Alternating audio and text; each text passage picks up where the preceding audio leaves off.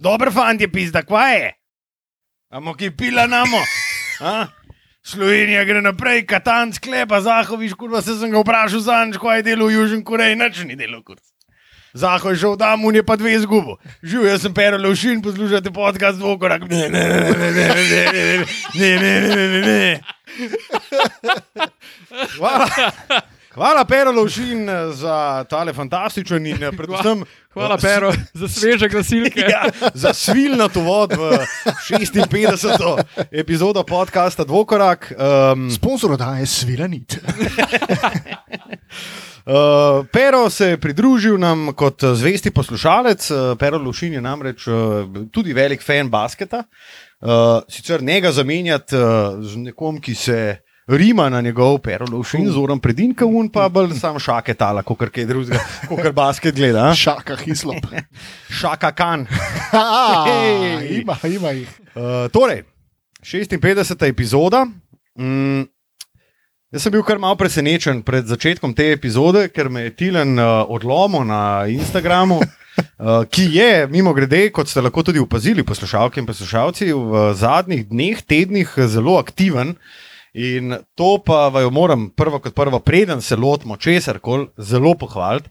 Namreč uh, Tilen in Matija, Matija in Tilen.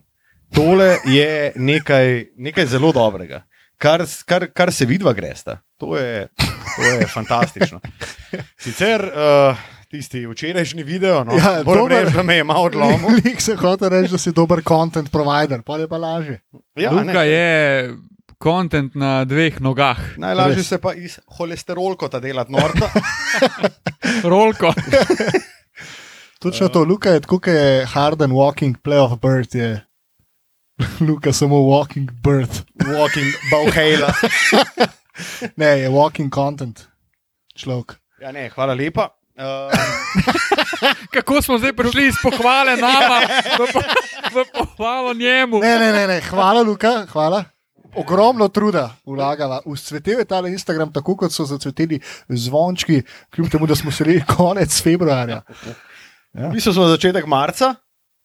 No, dobro, ajde, snemamo konec februarja. Kva? Dobro, okay. Okay, Tudi lahko, ne, lahko rečemo, da V je. redu, Ne dela. Ne dela je, zunaj je šajba, pa malo se derejo.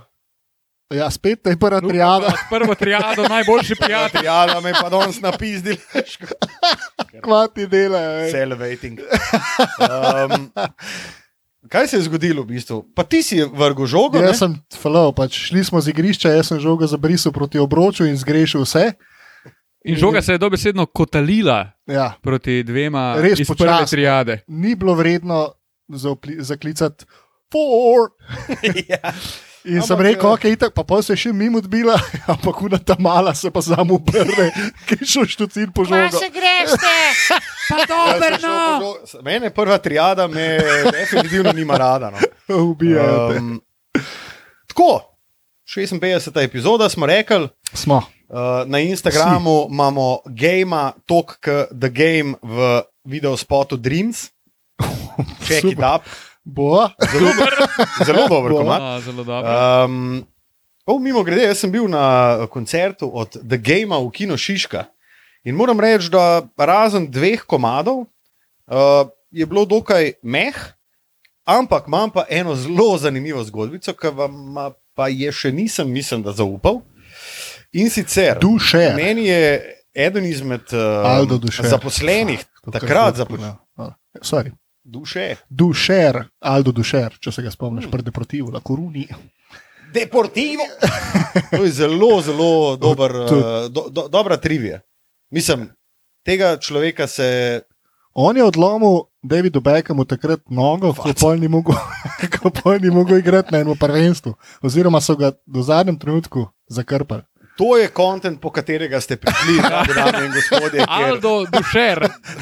Stari prbiješ neki dušer in potem te zapelje do Diega Tristana, Roja Makaja, Valerona. Roj, Vale. Makaj. Zelo ne, dobro. zelo, Zračine. zelo dobra ekipa, Pa da se zavedala korun. Ja, Mm. vse so šli v četrt finale lige prvakov, če se ne motim. Dlje pa ni šlo. Žal. Žal. No, sedaj pa nazaj v Kino Šiška. Ja, v Kino Šiška, ker mi je pa eden izmed takrat zaposlenih dejal, da po koncertu The Game Uh, je rekel, da ko so prišli tehniki pospravljati, to se pravi kable, mikrofone, mešalke in gor dol, um, je rekel tako, jaz prijem gor in sred odra je bil kak. Kak, Sem že slišal, stari. kak. Tako, pa mu rečem, pa dobro, stari, mislim, prvo kot, pr stari, prvo kot prvo ni v redu, da tako govoriš, zato ker pač sej, mislim. Veš kako, jaz sem bil, tako, ful sem bil šokiran, frapiran sem bil. Zato, ker sem mislil, da on govori pač o človeku. Ne, jaz sem mislil, da on govori o človeku, ki je bil na odru, pač en kak je bil. gor. Pa Tako pa dobro, stari, mislim, da Mislim, se smo ljudje, pa kva ti delaš, stari. On tako, ne, ne, ne. Fizičen, fizičen kak, je bil na odru. To se pravi, drekezi.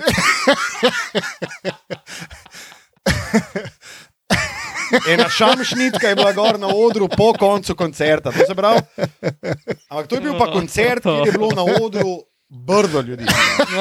Goriška brda ljudi. In stari. enega je počepno. In enega je iz hlačnice stresel stari, kot meč. Predstavljaj si, da si, ti, da si ti nek tonski mojster in priješ, pos, ali pa nek rodi, priješ po, pospravljati nehaj. in moraš eno šamšnitko noter zapakirati. In sred odra, stari, to je bilo pa Oh. uh, tako, ja. Ko ja. smo želeli pršam šnitke. Mimo grede, Ti, ti si bil na moji 30, ti Da. si, nisi imel časa in ti te si ni nisi bil. Ti si nisi. si nisi. In naslednji dan, ko smo to 30 kot praznovali in so se vsi pospravili domov, in sem bil jaz ta rodi, ki je pol pospravljal prostor, kjer se je to dogajalo, sem nič hudega sluteč iz tega prostora šel eni tri metre stran ven, skozi vrata, malo desno. In šamšnitka. živijo šamšnitka. stari. Tako malo naprej vem, da je, da, je bilo malo bruhica, ampak za šamšnitke bi pa ni bilo, nisem pričakoval. Tega pa Ampak nisi res- plačal. Res, koliko te more, zato ker WC je dosti blizu. WC je tako Ma ne, 30 metrov stran. ma Res te more- V temi je bil kar mal neugoden. Bil, no? Luka, malo sem, Ne, ne, ne, malo nisem bil jaz. imam že na Ne, ne, ne, jaz, jaz sem bil Luka išče opravičilo za neznanca. Ne, ne, ne. Če mene v takih primerih pritisne, bolj ni, uh, tako, tako bom rekel, ni tako strukturirana zadeva, bolj je, Vodeno. bolj je golaš. No? Ja, drage dame in gospodje, Ja. po ta kontent ste prišli. Drek je realen, stari. Uh, in tudi zadev je ventilator, kot ste Oh, lahko videli yes. na YouTubu, na Instagramu. Yes, yes, yes. Sicer drugje. smo pričakovali, tako bom danes razmišljal o tem, točno to sem pomislil, kar si ti zdaj rekel.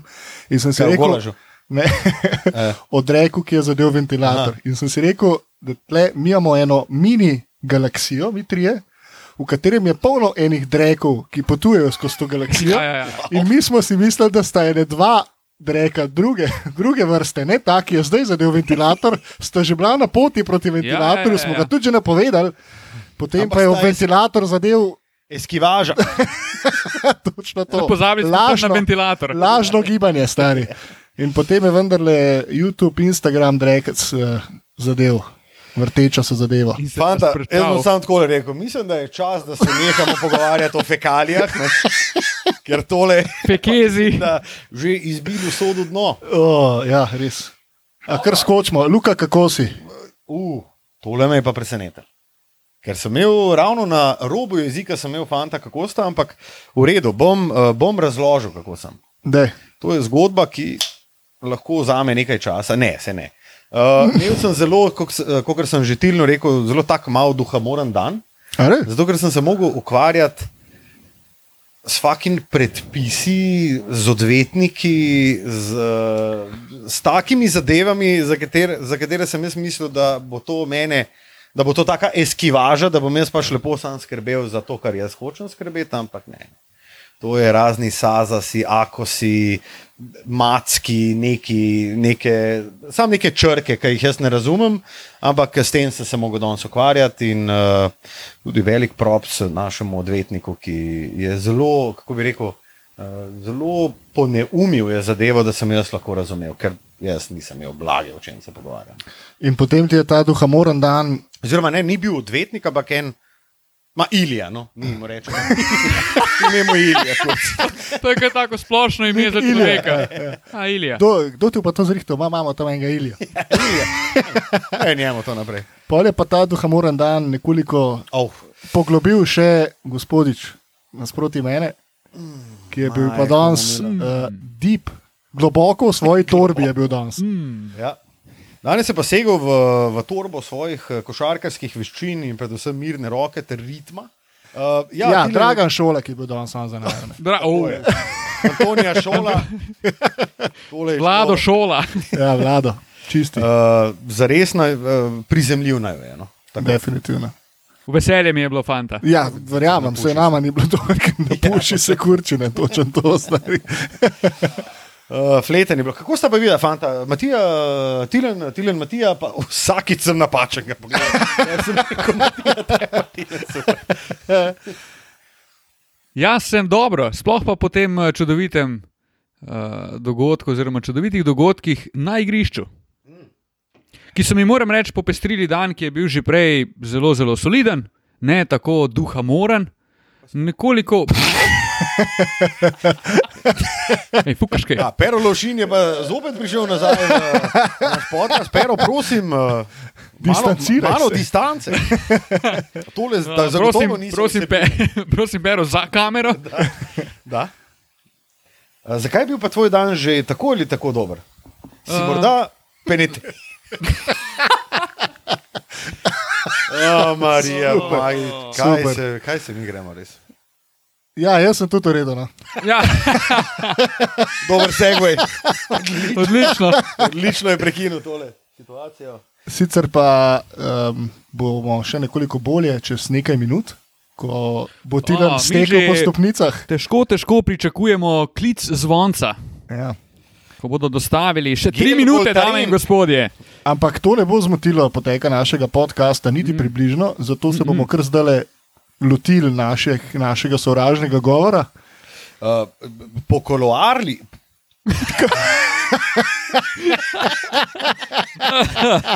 Marija, pomagaj. Po koloarjih se je govorilo.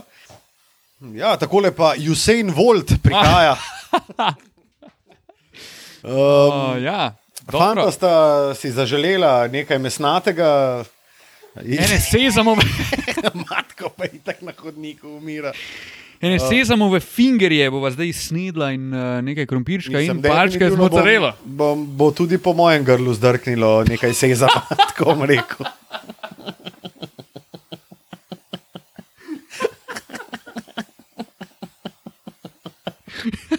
Kako, kako, kako seksualnih prvih 15 minut. O, Marija, pomagi. Um, Um, če je slučajno v teh časih, ko otroci niso bili v šolah, zamudil kakšno uro biologije, ima tukaj morda nekaj ulične vzgoje. ja, uličari, to pa smo, ne? Malo pa smo facts. uličari, ne? Sploh. Luka, Model, Luka, modeli če- za pog, modeli Luka- škofe loke, pa modeli iz Črnomla, največji uličari v Sloveniji. če je kdo uličar, si to ti. Uh, ne, hotel sem povedati, da bom tudi jaz malo prigriznil. No, tako. E, a imaš ti mogoče suši na štumfih? Definitivno imam. Da. To je super, to so Uh, super štumfi, stari. V zapiskih pogledajte, kakšne štumfe imam. Uh, najbrž ne boste nič videli, zato ker nikoli ne dam zapiskov noter, ampak ajde. Um, bi pa uh, rekel nekaj, ne, uh, kot sem že prej hotel reči, da se po koloarjih govori, da so ljudje dejansko pogrešali uh, hate kotiček. To se pravi, da naša neka holistična metoda, oziroma holističen pristop k temu podkastu, ni bil tako dobro sprejet, kot bi si. pa dobro, ali lahko en stavek povem. Jaz ne morem. Ti si najbolj smešen človek na svetu, stari, pa to je neverjetno. Um, Ja, holističen pristop je kar dvorezen meč, lahko rečemo. definitivno. Zato, ker um, Ja. ljudje so, a vi- mislim, a veš, ko ljudi nekaj, eh, ko ljudi nekaj na, na, navadiš, pa jih navabiš vsako epizodo. Mislim, mi smo praktično 55 epizod podcasta, smo delali hate kotiček in ljudje so se tega navadili. Ne? In če je kaj človek, je to najbolj prilagodljivo bitje na svetu. Ne? A, nadaljujemo z biološkimi predpostavkami. Hvala, Opa. Matija. Mm, ja, mm, še. Tle mi z majonezo mahata. E, Pre... kje je pa krompirček? Oh. Mhm. Kontra. Dobro, hvala. Ne vem, kakšne pa imamo. E, Dej še meni to papriko, ven kurc, ne. Dej mi ruzak. A ti imaš sabo za jesti? Jaz imam sabo za Hej, oh. Holističen pristop, Luka, praviš, da se ni šel po naših načrtih. Ne, mislim, želeli smo biti meditativni, zelo pomirjeni s tem svetom, ki je zelo krut v zadnjem letu.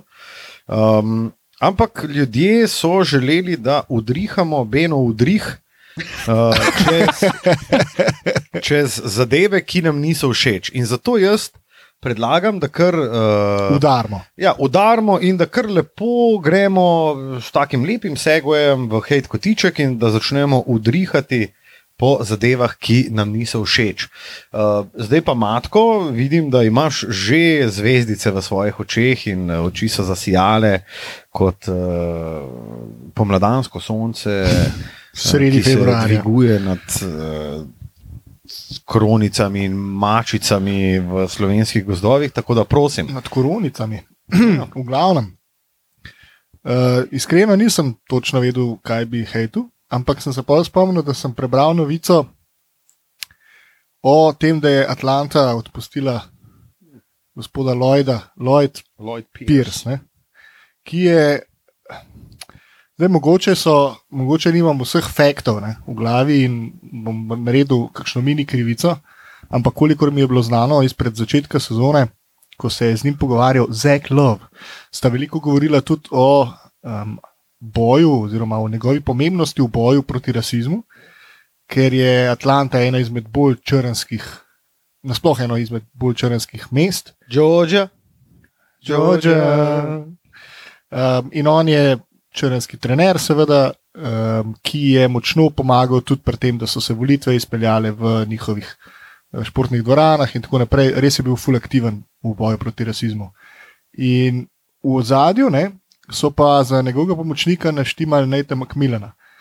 Kar je v bistvu bil instanten pritisk, takoj ko so oni dali njemu mesto glavnega trenerja, ker je Nate McMillan seveda dosti bolj priznan trener, je bil takoj je bilo jasno, ok, le imaš neko obdobje, v katerem moraš pokazati, imaš ekipo, ki je roko na srce dosti boljša kot je bila lani in pričakujemo rezultate. Ne?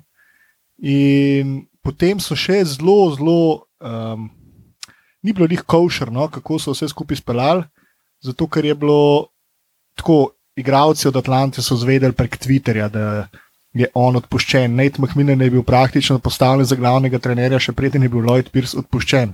Pa to mogoče lahko vežem celo nazaj na začetek sezone, ker je bilo tako jasen.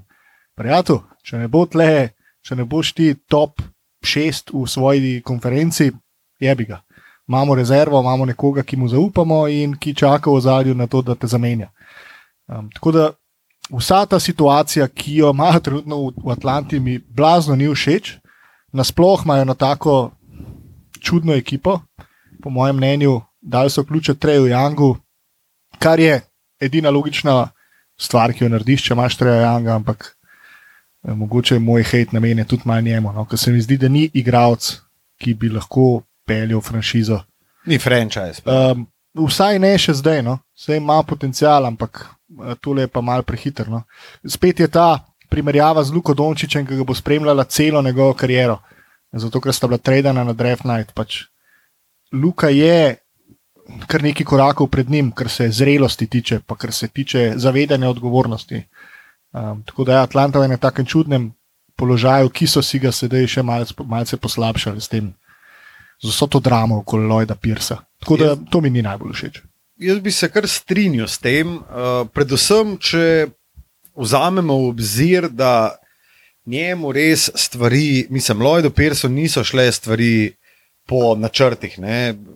Recimo, uh, Clint Capela je spustil začetnih ducat tekem. Ne. Galinari, Galinari, potem se je Bogi poškodoval. Mislim, Ja. ja. ti zelo. Oni so imeli na papirju imeli ekipo, ki lahko rečemo, da je bila playoff bound, DeAndre Hunter, točno to. ki je igral zelo pomembno vlogo v ekipi. In ti moraš, kle, mislim, jaz bi bil zelo presenečen, recimo, če bi se to zgodilo, pa rečem, Stevu Nešu. Pa je mogoče to spet neka istočnica, pa vprašanje za vaju. A je Steve Neš pod takim pritiskom na začetku, recimo, vstopamo v sezono dva- eh, 2020-2021, a je Steve Neš pod takim pritiskom, kot je Lloyd Pierce? Ker Steve Neš ima tudi zraven Majka Dentonija. Ne? To se pravi, če Neš ne bo zmagal, ne vem, 16 tekem na prvih 25 tekmah. Poleg tega, da je Mike, hm. Mike D'Antoni pomočnik trenerja pri mogoče najbolj talentirani napadalni ekipi v zgodovini NBA košarke, on je pa de facto najboljši napadalni trener v NBA košarki. Tako, in to je še, še en, mogoče večji tak zicer, ka, okay, le, če se bo neš izkazal za nekoga, ki ni, ne, gremo Majka Dentonija pušati naprej in v bistvu nič nismo izgubili. On pozna sistem, ve, kako iz teh igralcev, iz teh treh zvezdnikov potegniti največ, predvsem v napadu. Valjda. In jaz se bi strinjal s tvojim hejtom, zato ker jaz mislim, da pač Lloyd Pierce ni dubo neke priložnosti, oziroma ni dubo uh, nekega časovnega okvira, v katerem bi on lahko dejansko razvil to ekipo, plus to, kot smo že omenili, da njemu, ah, in Kapela, Galinari, pa, pa uh, Bogdanovič res niso šli na roko. In to so konec koncev igralci, ki mirno lahko igrajo, pa ki so skozi celo kariero igrali v prvih peterkah. Ja. Jaz se strinjam, da Lloyd Pierce ni dobil dosti priložnosti, oziroma mogoče je bil postavljen v ful neugoden položaj. Pa Steve Nash je tudi mogoče v neugodnem položaju, čeprav se vedno bolj začnemo o tem pogovarjati, ko pride do tega, da se trenerja menja. Ne? Ampak mo mogoče bi jaz tu šel en korak nazaj, pa bi, ker jaz sem, si, sem tudi o tej temi razmišljal, ampak mogoče iz enega drugega vidika. Uh, pred enim tednom mogoče je Minnesota odpustila Ryana Saundersa.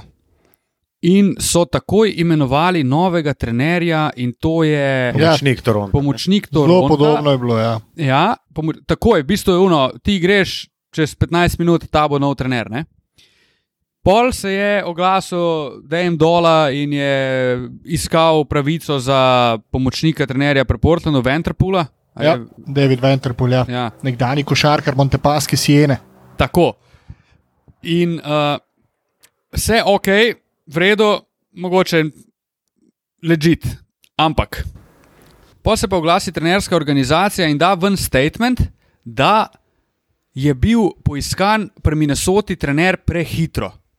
In da so oni zaskrbljeni nad tem, da se pri iskanju novega trenerja ne upošteva smernic o uh, rasni raznolikosti, da se ne upošteva temnopoltih trenerjev in, tako dalje. In tak dalje, in tak dalje. Ja, takoj podpišem, da, je, da imajo vsi isto možnost. Sem to, kar se pa te izjave so mi pa malo tumač. Ja, se o tem smo se pusti- že pogovarjali. Dej, mislim, ok, se pravi, zdaj, zdaj je pol nujno, da se temnopoltega trenerja Ja, ja, zaposli. Ali tudi- moraš ti imeti sem, da, da moraš pet kandidatov imeti in s tremi narediti pogovor sred sezone. Pač ti si bil z nekom zmenjen, to je trg. In ti si se z nekom zmenil, da bo tvoj trener. Pač si se zunaj zmenil in kaj zdaj? Vse je bilo isto, kar si ti omenil, Steva Neša, vse je bila ista scena. Ne? Uh, tudi so se sprožila, uh, sprožile Podobno je polemike, bilo, ja, ja. kao premalo temnopoltih trenerjev, pa zakaj on dobiva priložnost, pa tako naprej, ker je polno drugih, bolj kvalificiranih in tako naprej. Mislim, to, je, to se meni ne zdi prav. Pač vsaka ekipa je tam in sprejema odločitve za to, kako misli, da je najboljše. Se strinjam, če, pri, če se dokaže neka prav sistematično degradiranje oziroma neupoštevanje uh, temnopoltih ljudi, absolutno to treba kaznovati in vse sem. Jaz mislim, da klej mi pozabljamo na eno zelo veliko stvar. In sicer, da ko govorimo o temnopoltih trenerjih, uh, oni nimajo izga izhodišča, kot imajo belopolti um, trenerji. In ti, ki si rekel, da se pa sistematično dokaže, da temnopolti trenerji nimajo toliko priložnosti, kot uh, belopolti, to je že dokazano. Zaradi tega je tak halo glede tega. Zato, ker to je. Eš, to so take zadeve, kot recimo na Novi Zelandiji ali pa v Avstraliji. So, um, jaz sem se recimo z enim boljših prijateljev se dejansko skregal zaradi tega, ker ni razumel zadeve, da le pač temnopolti ljudje nasploh so zatirani pol tisočletja v ZDA. To se pravi, oni nimajo iste, istega izhodišča kot belopolti ljudje. In to je vse, hočeš nočeš, tudi leta 2021 je to sistematično. To pomeni, da pač. Ja, v redu, trg ima tok pa tok nekih dobrih trenerjev in tok pa tok je belopoltih, tok pa tok je temnopoltih, ampak pazi, ti, ti, ki so temnopolti, pa ki so glavni trenerji, oni so mogli trikrat več dreka pojesti, kot belopolti trenerji in zato se meni zdi, da je mogoče ok, da se da tudi mogoče kakšno ne toliko zasluženo priložnost belopoltim, lih, uh, temnopoltim, lih, da se to mičken izravna in zato, da imaš ti uh, enako izhodišče, kot ti začneš kot trener.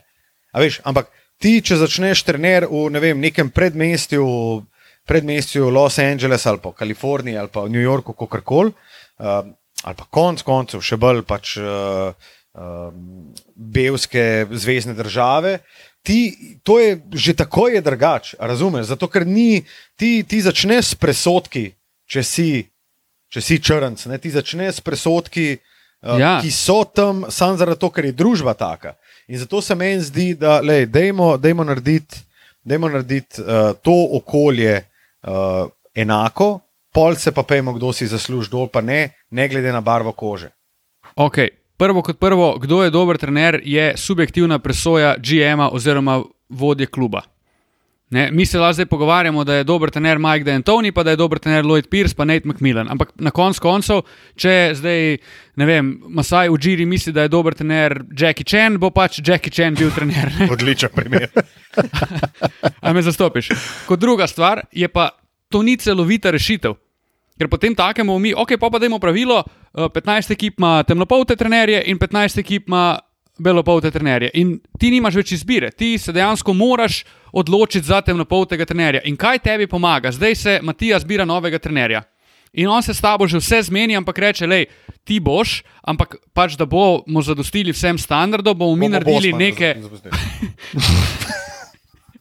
Dobro si to vgano. Bomo, bomo naredili neke kao razgovore ne? in bomo povabili še pač dva temnopolta, pa dva belopolta ali pa kakorkoli, ali pa še Jackie Čena zraven in se bomo z njimi pogovarjali, ampak na koncu koncev boš luka ti. A to, a to, a to pomaga? Ker na koncu koncev si ti na istem. Najame se, angažira se belopoltega trenerja ali pa temnopoltega na drugi strani, nima veze. Zdaj se jadramo v neke take zelo nevarne vode, v katerih smo mi debatirali že. Kvote in vse te zadeve imajo, neko, imajo nek smisel. Dejstvo, to, dejstvo, pa je, dejstvo pa je, da v tem trenutku zapravljamo tuji denar. Zapravljamo denar človeka, ki je najel glavnega trenerja. Tu je njegova odločitev. In on se je pač si je zamislil, da je najboljša izbira ta model, katerega prijemek smo vsi trije pozabili, ker ga še nismo omenili. Dar, sem tvoj GM ali pa tvoj lastnik je lahko Donald, Donald Sterling. Ja, in tako je ga treba vršiti ven iz lige, in da ne, nikar več ne pride v dvorano noter. Seveda. Ampak v tem primeru, kaj češ narediti? On vlaga denar v to franšizo. No, je, moj point je samo zato, da mogoče pač te kvote niti niso nekaj ja, slabega. Niso to slabega. Lih zato, da se pač izloči take tujke, kot je bil Donald Sterling. Se strinjam. Če se naslonim na Steva Neša, če je pod istim pritiskom, kot je bil Lloyd Pierce pred začetkom sezone, Ja, je. Na nek način je. In čeprav se o njem nič ne govori, mu jaz dam velike propse, eh, da mislim, tako je bil med igralsko kariero, ne reagira na provokacije, ker je imel priložnosti 26 strani, samo treh njegovih košarkarjev do tega trenutka, pa ga še nismo slišali, stari. Ni trznil na eno stvar. Pa je bilo na začetku, da itak ne rabimo kavča, mimo sami trenirali in tako naprej. In tako, tako da veliki propsi Stevu Nešu, očitno je Brooklyn naredil dobro delo s tem, kar so ga zaposlili, tudi glede na rezultate. Tako da, dokler ne bo dokazano nasprotno, um, dobro handla pritisk in je bil prava odločitev. Mimo grede, ko smo bili v Brooklynu, če se ta eksperiment z nešom izide. In je Mike D'Antoni dejansko ponotranil vlogo pomočnika trenerja in ni prišel v Brooklyn zgolj čakati priložnost, da bo Rato glavni trener, pa bodo neša odpustili. Je to lahko velika, velika dobitna kombinacija.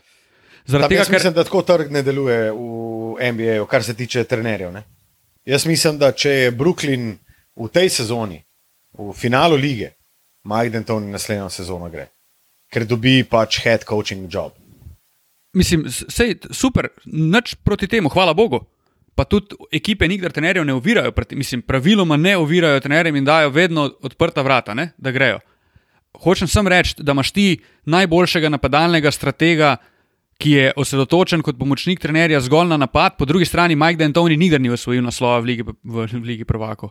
V Ligi NBA. Tudi ne, tudi ne. Tudi ne. Ne, ne moramo porekati. V Ligi NBA, zakaj? Zaradi tega, ker je pač že vedno stavil na napad in ti sam z napadom ne boš dobil. In če lahko neš zbalansira njegov napad, pa temu dodaš še malo obrambe, kar sicer zaenkrat še se ne glih dogaja, ampak mogoče se bo, tudi najbrž ni personela v ekipi, da bi se to ful dogajalo, je to lahko super kombinacija. Tudi če pol Mike D'Antoni naslednje leto gre. Um, še fun fact: Lloyd Pierce bo poleti pomočnik Grega Popoviča na olimpijskih igrah, kljub temu, da je izgubil job. Uh, zdaj pa predlagam, da se odpeljemo proti naslednjemu sovražnemu govoru. Uh, jaz bom zadnji, zato ker ga bom navezal na temo, s katero, se, uh, s katero bomo mi krenili v ta srž uh, tega podcasta. Krenil. Okay. Krenili po 45 Super. minutah. Um, dobro, pa pa še predstavim svoj hate in to je izsiljevanje osebnih napak strani šuterjev v Ligi NBA. In dogaja se nam iz tekme v tekmo, da fantje izsiljujejo osebne napake, kjer bi mogoče, po mojem mnenju, si bolj zaslužili osebne napake v napadu, sodniki pa redno piskajo osebne napake v obrambi, kjer obrambni igralec, ok, mogoče nasede na finto šuta, ampak. To niti- samo po sebi ni dovolj. To samo po favle. sebi ne more biti dol. dovolj. Je dovolj, če ti on skoči v njega. Če je to, uh, da te nategne na način, da ti se greš ravno po naravni poti v svoj šut, pa on pade na te, je absolutno faul. Sam ne pa to, kar se nam dogaja zdaj, ko smo gledali na Instagramu posnetek, pa je Luka, Pa pa, Trey. je, pa Trej, pa Curry in tako dalje, in tako dalje, in tako dalje. To se mi pa res ne zdi ok in to malo ubija. Um, jaz bi se s tem drugače full strinjal. Ne? In Liga NBA je z neko spremembo pravilnika, ene 5-6 let nazaj, je zelo dobro določila um, osebne napake v napadu šuterja, ki stegne nogo, ki išče kontakt, če jo stegne, pa zadane v obrambnega košarkarja, je osebna napaka v napadu. Če obrambni košarkar prileti v nek sicer imaginaren prostor pristanka, to je pač za zapačulja rulne. Pristanka košarkarja, ki meče, je pač osebna napaka v obrambi. Ampak to, kar se zdaj dogaja, to je čisto iskanje kontakta. To je pa ki, smešnica. ki je Spodbojevanje Točno to, napada, ki- no, ne žrudga. Mislim pa samo, sa, samo spodbujeno je. To se pravi, ti kot šuter se pač nag, nagneš v nekoga in zametki recimo tega, to je bil doktor, tega je bil recimo tvoj najljubši košarkar Dwayne Wade. Ne? On Ja. je vedno znal pognati gor, malo komovček dati navzven, vedel je, da pač ok, ruknuje bo, če zadev bo dal, pa se Ja, bo ja. one, drugače bo pa faul. Ne? In to je zdaj pač ful preveč obče izkoriščeno in jaz mislim, da se bo definitivno v, v naslednji sezoni, če ne že celo, mogoče zdaj se bo spremenil pravilnik, da se to ne bo več dogajalo. Zato ker to je res, uh, to je res malo rak rana ratala. A Veš, pa, mislim, imeli smo Hardna, pa smo videli, kako on izsiljuje. Ampak dobro, on je izsiljeval te osebne napake, več ali manj, kaj prodiral. Ta njegov levi prodor, pa je pač že najdel nek kontakt in ga je malo zaigral, prodal in to je to. Ne. Sam to, kar se pa zdaj šuterjem dogaja, pa smo že ful dobili revolucijo v sodniških odločitvah glede šuterjev, morajo pa dejansko mičkam posodobiti te kriterije. Moram en shameless plak gledati, da pripravljamo eno YouTube epizodo ravno na tem, tematiko Harna in izsiljevanja njegovih osebnih napak in kako se to primerja z um, ligo NBA nasploh skozi leta. Res živimo v eri, ko se to dogaja v večji meri, kot se je. Ampak presenečeni boste nad ugotovitvami. Ja, mi smo bili. Mislim, da jaz sem bil noro presenečen nad, tem, nad številom prostih metov.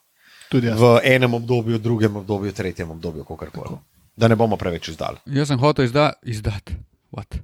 Dodati. Sem še to, da je to se ful preveč izrazito zdaj dogaja. Veš, tudi Kobe je znal lepo pump fake narediti, pa Jordan je tudi znal pump fake narediti, pa Wade je to mogoče še bolj izrazito delal na teh step backih in tako dalje, ampak to, kar se pa zdaj dogaja, je pa mojstri res prav iščejo, prav se vržejo naprej, pa stegne komovc. Sploh več ni njegov šut, šut zgleda drugače. Ampak on išče ta kontakt in pol sodniki redno. Mene čudi, da to dejansko sodniki piskajo. Ne vem, zakaj to sodniki Ja, piskajo. tu zgleda neka direktiva, spodbujanje napada, ne, očitno. Tudi glede na to, kako se viša število točk posameznikov in ekip, je nekaj na tem, da se pač to spodbuja, ker se lažje proda ligo NBA. Drugačma pa ne vem, kakšna so točna pravila v ligi NBA, ampak Evropa ima, Evropska košarka ima to že dolg čas zapisano v svojih pravilih o sojenju in, in o tem, kaj je osebna napaka in ni, so ti vertikalni vali. In Tako. to je zelo enostavna stvar, ki si jo prebereš dvakrat in o njej malo razmisliš. In to, je- jaz ne vem. Tu sploh ni nobene dileme pol, Enkrat to prebereš, je tako samoumevno, kaj je fal in kaj ni fal, da, da je to, kar se zdaj dogaja, naravnost bizarno. In če je obrambni košarkar ne vstopi v ta vertikalni val napadalnega košarkarja, potem osebne napake ni in je to osebna napaka v napadu, ker je se zgodilo ravno obratno in je v vertikalni val vstopil napadalni košarkar obrambnemu. V bistvu-.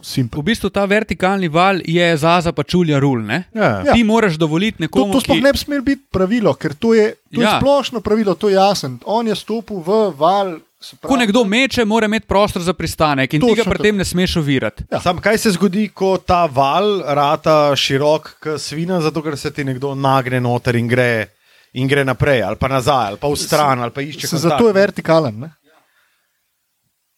Pa se vsi, mislim, ko ti zapustiš tla, je vertikala, ne? Ja. sama po sebi. ne. Ali je to zdaj 2 cm, ali je to, kot je pršutu Kleja Thompsona 15. A veš, Klej je zdaj ta, ta neka ne, nedorečena ločnica, zaradi katere oni dejansko piskajo te faule, ker se pač folk nagiba noter v obrambnega košarkarja. Sem zdaj Kar je, Sam je to- on vstopil v njegov val, ne? se pravi v To bi val biti obrambnega v košarkarja. Zdaj se mi ne. pogovarjamo o tem, da je prepovedano iti v val napadalca, ampak napadalec gre pa brez težav lahko tako. v telo, Točno v tako. val obrambnega košarkarja in je obrambni košarkar, kljub temu, da je še enkrat padel na finto, je načeloma zajebal v obrambi. Ampak če je padel na finto, pa skočil v luft, kva pa lahko to. še naredi? Točno to. Un se pa pol stegne van in to bi treba nekako rešiti. No. Mislim, ful, kje so unicajti, ki je dejansko nekdo nekoga nategnil, je un skočil. A veš, napadalni, napadalni igralec ni iskal njegove linije tega pada mimo njega, ne? zato ker un je pač videl, ok, banana in se je pol s telesom omaknil. A veš, takrat je bilo pač ok, napadalec je pač šel vertikalno gor, metu in čau, to je bilo to. Zadev zgrešil, kako razen, če je model šel na telone. Uh, tako da to je zelo, zelo pereča tema v teh trenutkih, uh, in jaz bi se kar strinjal, da se gospod uh, Adam Srebrni Mičko nosede. Srebrni Adam, Ja, Zveza sodnikov v Ligi NBA in da se malo dogovorijo. si No. neha puliti lase. Ja, No, še ena ugotovitev, ko si eh, ravno razlagal v tem YouTube videu, bo, da je skill ima vedno prednost pred raznimi temi eh, Kar je okej. mahinacijami, Kar je kar je okej. edino pravilno ja. Na dolgi rok. Uh, Moj hej, čist na hitro, jaz ga bom navezal na to, kar je na igrišču, medtem ko nam je neosmiljeno zadeval uh, trojke v faco. Uh, dejal Tilen Lamut ne? in sicer, da je folk nehite hejtati fucking Zajana Williamsa, Williamsona, ker človek je dober basketaš. Človek dejansko je ve- dokazal vsem ljudem, ki so dvomili v njega, da le, z lahkoto Mislim, model ima se nos- 70 postov, ima, ima fucking zaključke, šut in. Mislim, dajmo ga nehati hejtati. Prosim, in Tilen, nehi, nehi fucking hejtati za Jana.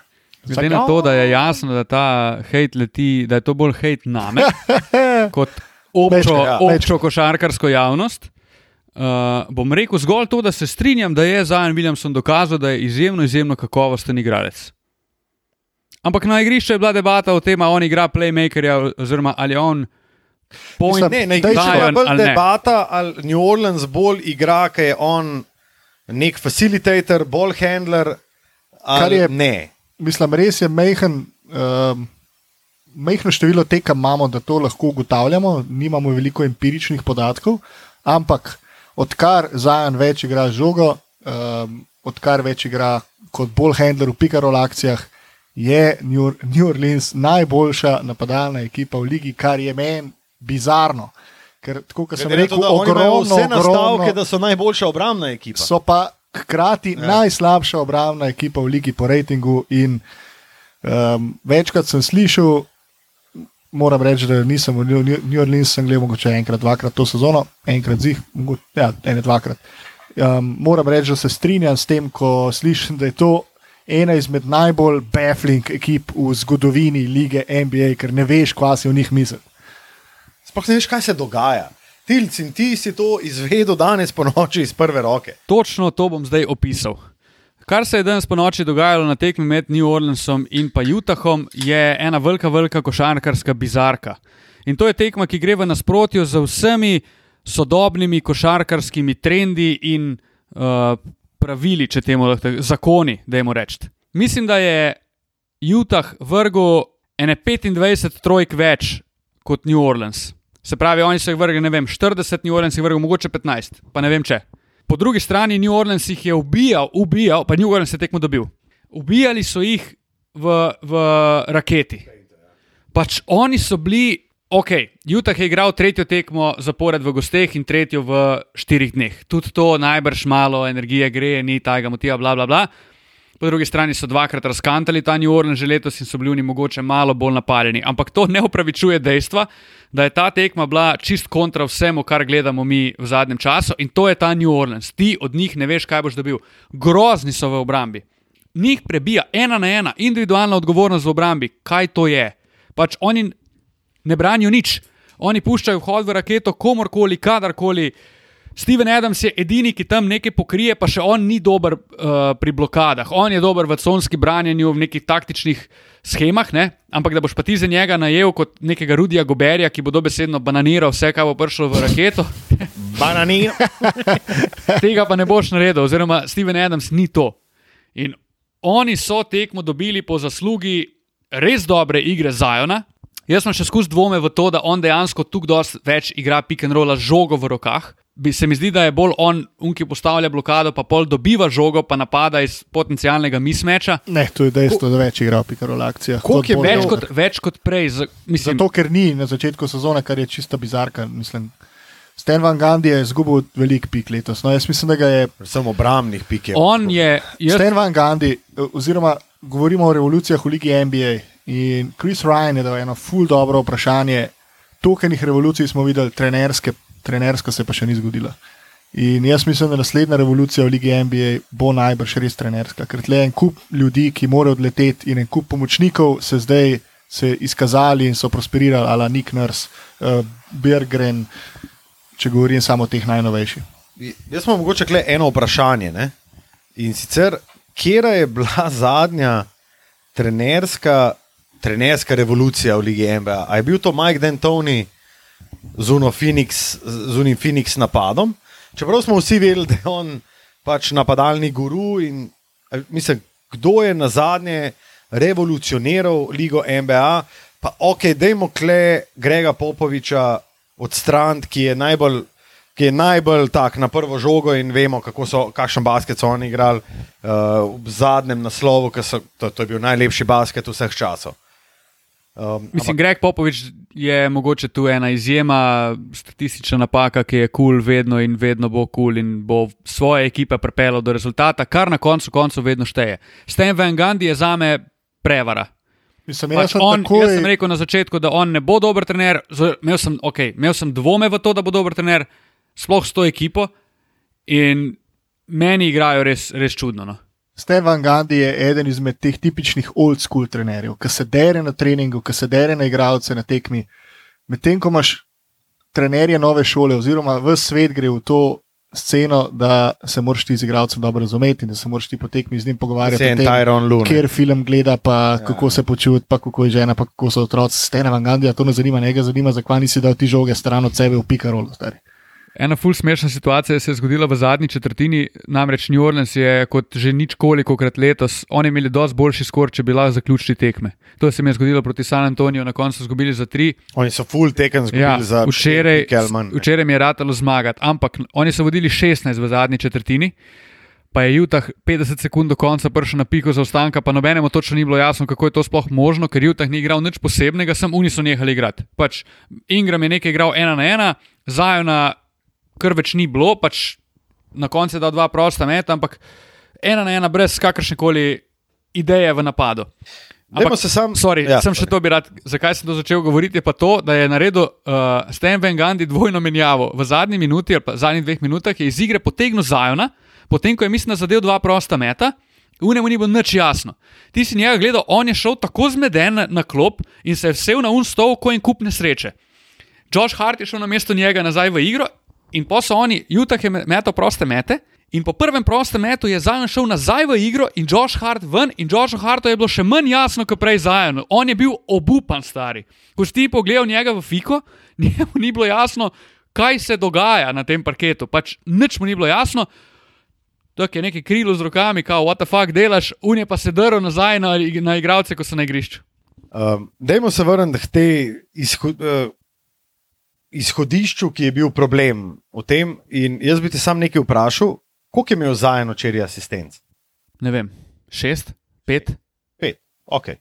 Vsako tekmo v tej sezoni, ki je zajen imel pet asistenc ali več, je New Orleans dobo.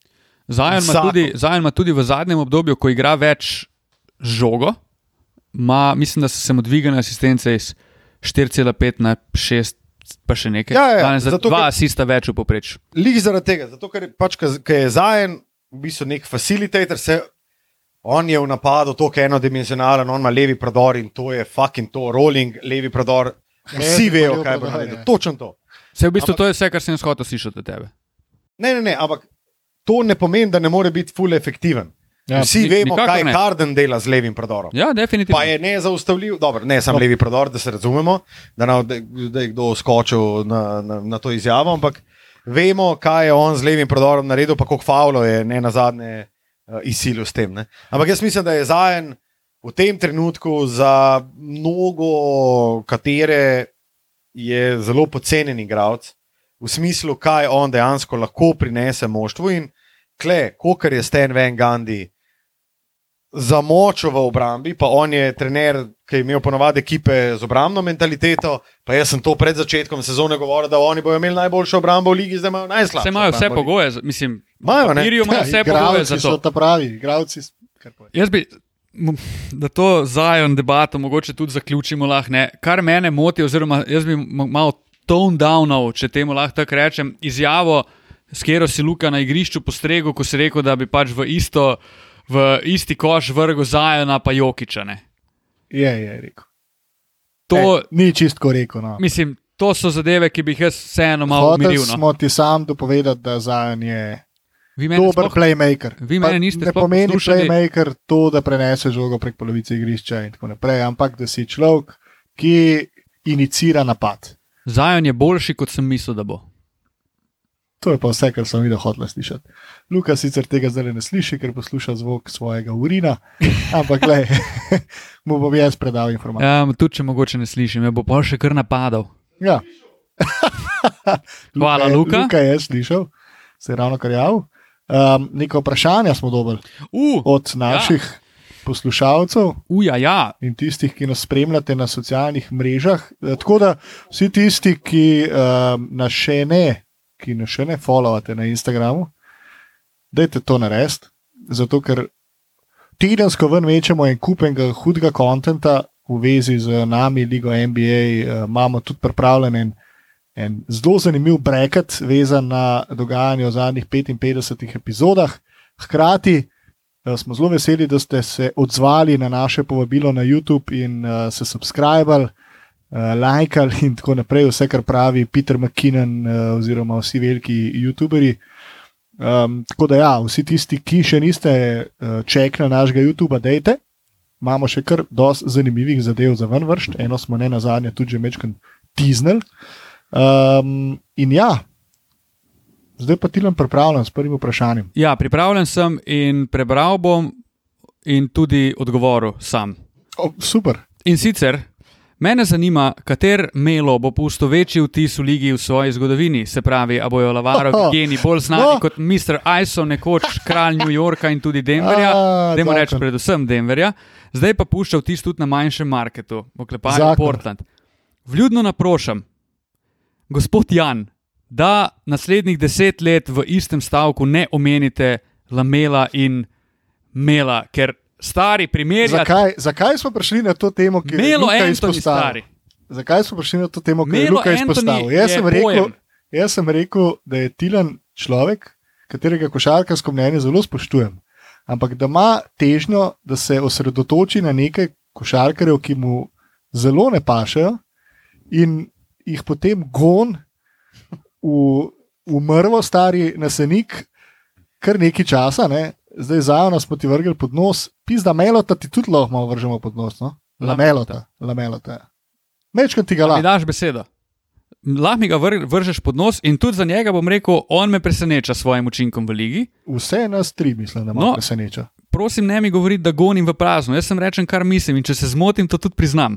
Super. Dobro, sam ne moreš pa reči, da Ne moreš zdaj, to vprašanje zdaj ni na mestu. zdaj no. je res težko reči. da- Mislim, zdaj je izjava, ne moreš melota pa lamelota v istem stavku uporabiti, zelo pogumna. Tako bom rekel, samo to bom dejal. Sej, zaradi tega, da bomo počakali deset let, pa bomo videli. Ampak trenutno Ja, je pa ni meni to debate. kriminal, stari. Ne Trenutno je moreš ti. Veze. Sam, mislim, da tudi uh, vprašanje ni bilo tako pozicionirano v smislu. Jaz mislim, da je bilo bolj tako, ko bomo potegnili črto pod uh, Karmelota, pa Lamelota, kaj se bomo pogovarjali. To je pa zdaj res zelo težko reči. Ja, Jaz bom skozi- samo eno na to- stvar rekel, ki jo Melo nima, pa jo ima Melo, in to, da se igra košarko. Kar je Melo tu, se mi zdi, da je imel skozi, on je skozi mal ta vibe furu. Kao, jaz sem pod pritiskom, ampak sem se izkazal na Sirakusu in zdaj sem se ful pa šel sem v New York in tako naprej. Ful ima ta, veš, kao, šel vse najtežje poti v lifeu sem zbral in sem vsem prosperiral. Lamelo pa to boli kurat, njemu je pa vseeno, on pa pač pila basket.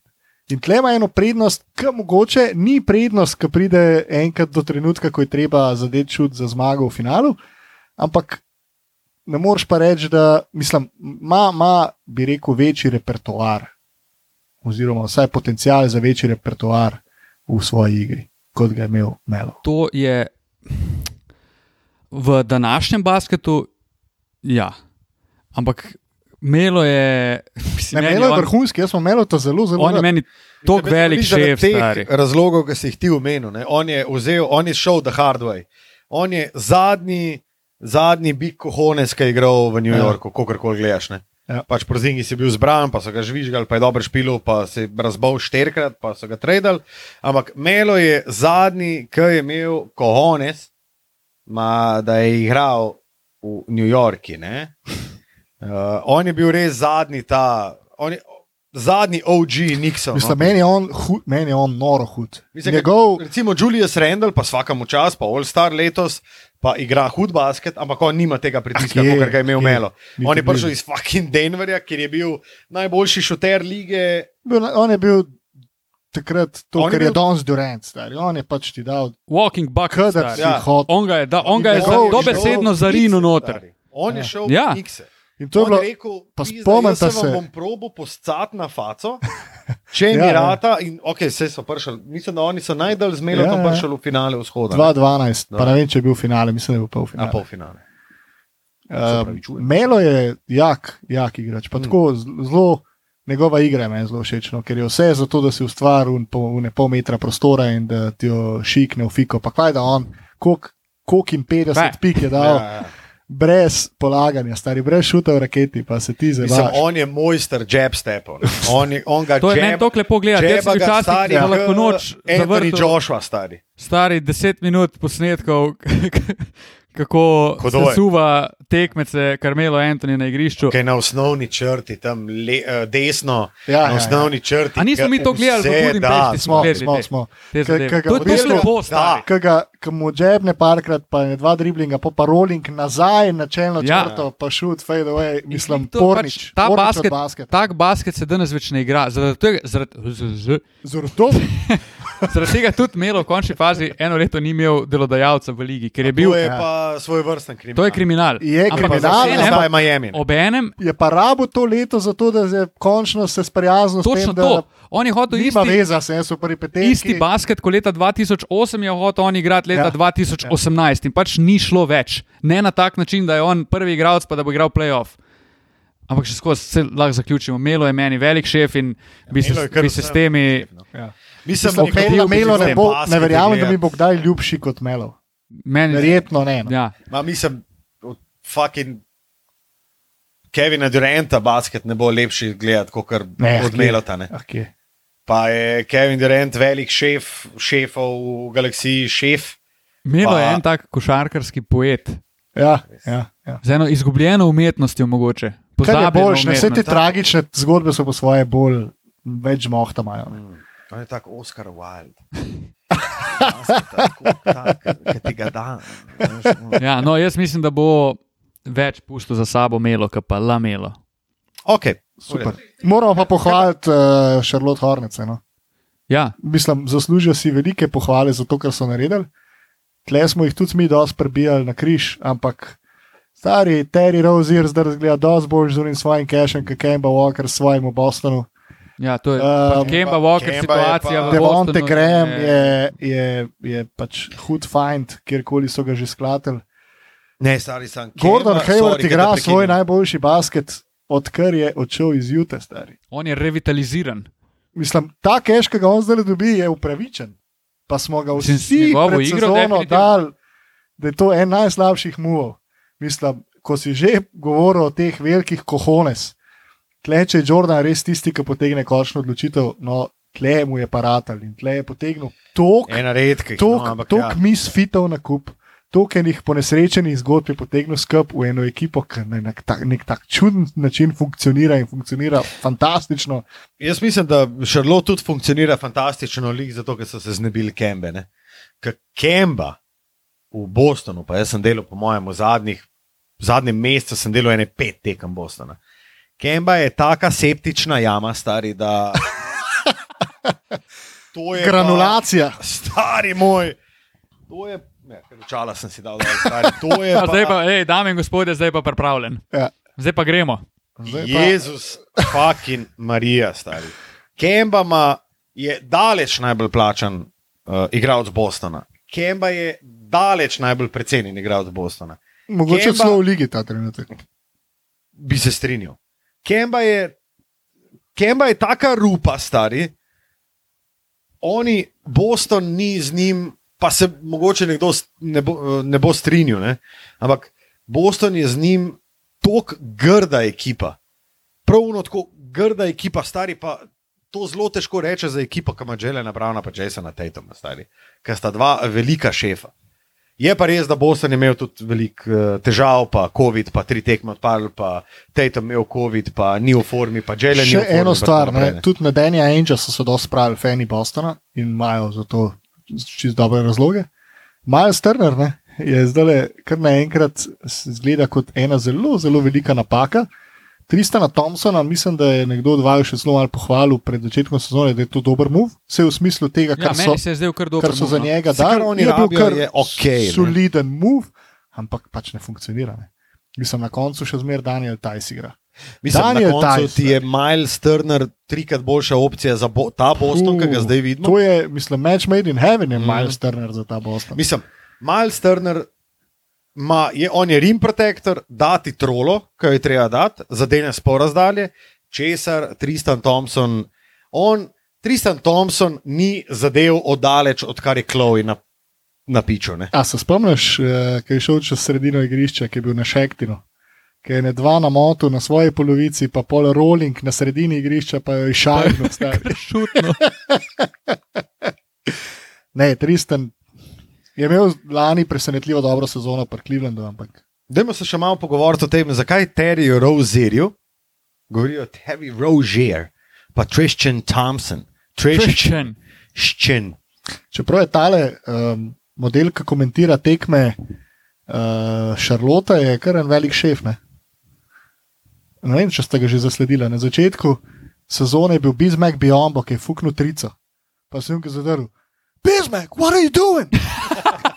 In zdaj se je full drl, ker so dal, ne vem, kdo je dal že winning shot zdaj na eni tekmi. No. Ja, Rozir je dal. A roz- Mislim, da je bil drl, ker žval res? Ja, zelo, zelo zanimiv model, tako da malo ga, malo ga pofolio, To je tudi, mislim, da Hubster ne, je bil Ja, tako, tudi, tudi, kao, tudi. upam, da je preživel komentator. Ja, hud, hud komentator, zelo. Uh, mislim, Šarlot igra kar presenetljivo dobro, res. Oni Čeprav jaz bi- prijetnejših presenečenj te sezone. Do tega trenutka res. Čeprav jaz bi z njimi mogoče še počakal do konca sezone, pa No, videl, kje oni zaključijo. Itak, itak. Sej zdaj bolj govorimo, da so zanimiva, zabavna ekipa, kot da so to ekipa z nekim. Ja, to je uh, skozi. trenutnim- Če oni pridejo v playoff, je to prvi krok out, to je dejstvo. Ne, Ja. ne govorimo o nobenem, niti blizu kakemu kontenderju, ampak so pa zabavni, predvsem zaradi tega, ker ni noben nič od njih pričakoval, ali pa še manj kot to, pa zdaj igrajo čist solidno, oziroma zanimivo jih je gledati. Pa Lamelo to so dali ključe um, od ekipe in odkar je on v prvi peterki, igra res, res, res, res dobro. Kar je tudi za me veliko presenečenje. Jaz imam še eno vprašanje, ko smo se dotaknili Bostona. A, je, a bi mogel Danny Ainge iti po Hardna? Ne, jaz mislim, da Jaz tudi mislim, da ne. On ima druge težave. Ne. Jaz se strinjam, da ne, predvsem zaradi tega, ker Harden za Boston ni hotel igrati. In ti ne bi čisto nič pomagal. Bom pa še to rekel, Harden se me doskrat v zobeh.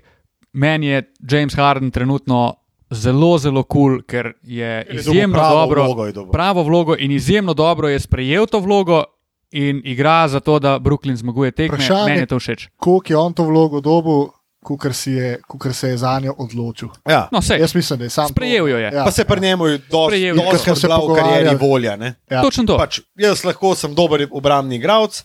Pa on je imel, mislim, da pri Houstonu v eni sezoni največji. Najboljši post-up, najboljši post-up defender v ligi bil.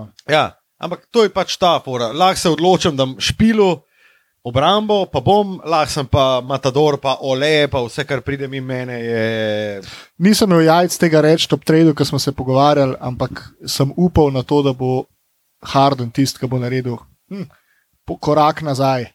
Čeprav v bistvu ni korek, naredil koraka nazaj, Točno to. bolj ga je naredil v stran, Točno s to. tem, da je bolj facilitator, kot kar skoraj. In to je zlata jama za Brooklyn. Lahko. Mislim, pa sej tudi, če si ti fucking James Harden, stari, če ti priješ v ekipo, kjer sta Kevin Durant in Kyrie Irving, ti s takim veseljem narediš korak v stran. Pa si mičkam facilitator, pa nisi tok šuter, da je od tebe odvisen. Sej ti si šest let igral. Pa tudi s to igro, s to igro je lahko on, uh, s to igro je lahko on še skozi, naprimer, če pride v finale, osvojijo, on je MVP s to igro. Ja, itak. Definitivno. Veš, ni, ni zdaj, da je on prej radil Kris Bosch, ki je bilo jasno, da ne bo nikdar v MVP finala. Ne? Ali pa ne vem, Kevin Love, ki je bilo jasno, da ne bo nikdar MVP finala. On je še skozi legit MVP kandidat s tako igro, ki jo kaže zdaj. Matija, Uh, ravno kar je Bleacher zavibriral, Brum, uh, da je Lloyd Pierce posledica želje Treja Younga, Ah, da si je želel No, no, novega glasu toliko. v garderobi. In mislim, da to pove več kot dovolj. In ne pričakujte nič kaj boljše, Atla nič kaj boljše Atlante v prihajajočih mesecih. ko tok mlad igralec rata trener, to ne pomeni nič dobrega. In Trej Jank je s to potezo v bistvu tisto, o čemer smo govorili velik del našega uvoda. Cool. Uh, imamo še kakšno vprašanje? Ja, Ključ? imamo Dajga. kar nekaj vprašanj. Dallas. Zanimivo vprašanje v bistvu. Zakaj je Dallas tako nezanimiv za velike zvezde, sploh v zadnjem obdobju? Ruki pogodbo Dončiča bodo pokurili vse, kar so, kar so pa uspeli pripeljati, je Porzingis.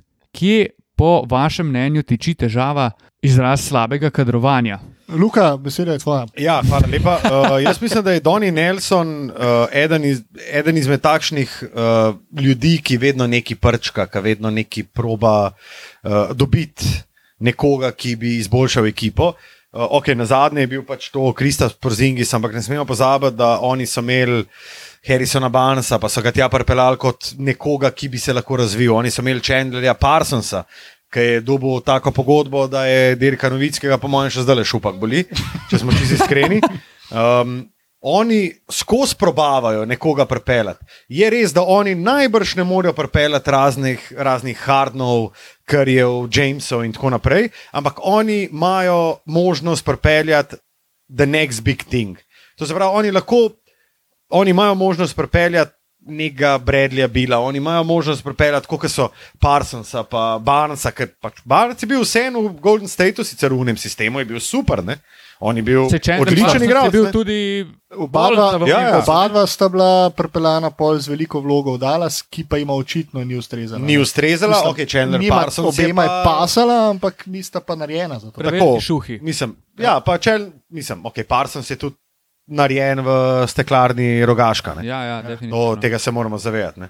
Uh, tako da jaz mislim, da Dallas ni tako nezanimiva uh, destinacija za neke free agente, predvsem zato, ker ima Teksas uh, ima najniže davke Ja. in pač dejansko igravci, ki prijejo tja, dobijo največ. Recimo Dwight Howard se je zaradi tega odločil, da je šel v Houston. Ampak res Teksas najnižje Ja, davke. ja, Mislim, ja. ja, oni imajo, kar se tiče. Florida. Florida. Maje, ja, Miami je tudi zelo blizu. Ampak, ko govorimo o državah, je Teksas A, tudi ja. tam. Teksas je pač there. služiti Ja. velike, ke, velike keše. What? Velike keše. Ne, vem, da so bili še uh, teksaški reperi, so bili pač tako, kao, come here, you don't have to pay taxes. You have to play ball and that's it, and you have to visit a lot of strip clubs. Sam ne bi To se to. pa tako strinjal s to izjavo, da je v zadnjem času ratu Dallas mesto oziroma franšiza, ki ni najboljši free agent destination, ker to je stvar, ki je kar dosti dobro dokazana že skozi zadnjih 20 let. Pač ni top free agent destination. Enostavno ni. Po mojem je taka izjava bolj posledica tega, da je Dallas za Slovenijo zanimiv. Ja, ja, ja. Jaz, bi še, jaz mislim, da je to tudi posledica, pa pardon, ki vaju prekinjam, posledica tega, da je nek šef iz Würzburga v Nemčiji tam kraljeval 20 let. Drži. Ker on je, on je imel ključe do te franšize in vsake pršo je bil pa second fiddle. Ampak po drugi strani se je pa zdaj NBA tako spremenil, da se bo, mislim, tudi Dallas kot free agent destination oziroma njegova zanimivost spremenila, ker je Luka Dončić igralec, s katerimi NBA zvezdniki hočejo igrati. In mislim, da bo free, ag free agency destination, uh, da bo Dallas tukaj zelo močen. Jaz mislim, da bojo oni polet dobili nekoga zelo močnega, tretjega igralca, ki sploh ne bo tretji igralec, ampak bo v bistvu drugi igralec, zato ker bo Latvijci iz eh, Krepšinca, bo poškodovan, pita Porzingis. tri četrt sezone.